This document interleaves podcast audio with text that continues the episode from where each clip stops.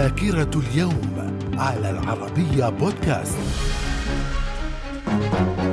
أهلا بكم إلى ذاكرة اليوم الثاني عشر من سبتمبر ففي العام 1683 انهيار آخر محاولات العثمانيين لغزو عاصمة الإمبراطورية النمساوية فيينا. في العام 1943 قوات حكومة فرنسا الحرة تستولي على جزيرة كورسيكا الفرنسية بعد طرد قوات حكومة فيشي وقوات ألمانيا النازية منها. في العام 1900 1944 التوقيع على بروتوكول لندن الذي قسم برلين إلى أربعة قطاعات يتبع كل قطاع دولة من دول الحلفاء. وفي العام 1950 الحكومة البلجيكية تطرد جميع موظفي الحكومة الشيوعيين من وظائفهم. من الذاكرة. ومن ذاكرة الثاني عشر من سبتمبر في العام 1953 الزعيم السوفيتي نيكيتا خروتشوف يصبح أول سكرتير عام للحزب الشيوعي وبذلك جمع المنصب الجديد ورئاسة الاتحاد السوفيتي. في العام 1970 أول طائرة كونكورد تصل إلى مطار هيثرو في لندن قادمة من طولوز في فرنسا حيث كان يجري تجميعها في أول رحلة لهذه الطائرة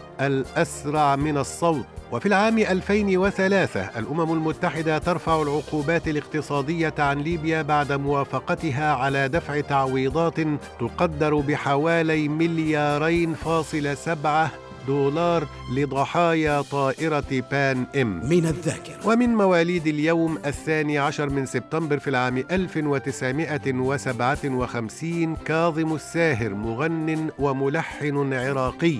وفي العام 1969 ولد الممثل السعودي فايز الملكي. من الذاكرة. ومن وفيات الثاني عشر من سبتمبر في العام 1683 الملك ألفونسو السادس ملك مملكة البرتغال. في العام 1993 توفي الموسيقار المصري بليغ حمدي. وفي العام 2014 توفي صالح المهدي الملقب بزرياب ملحن وموسيقار تونسي. من الذاكرة. إلى اللقاء.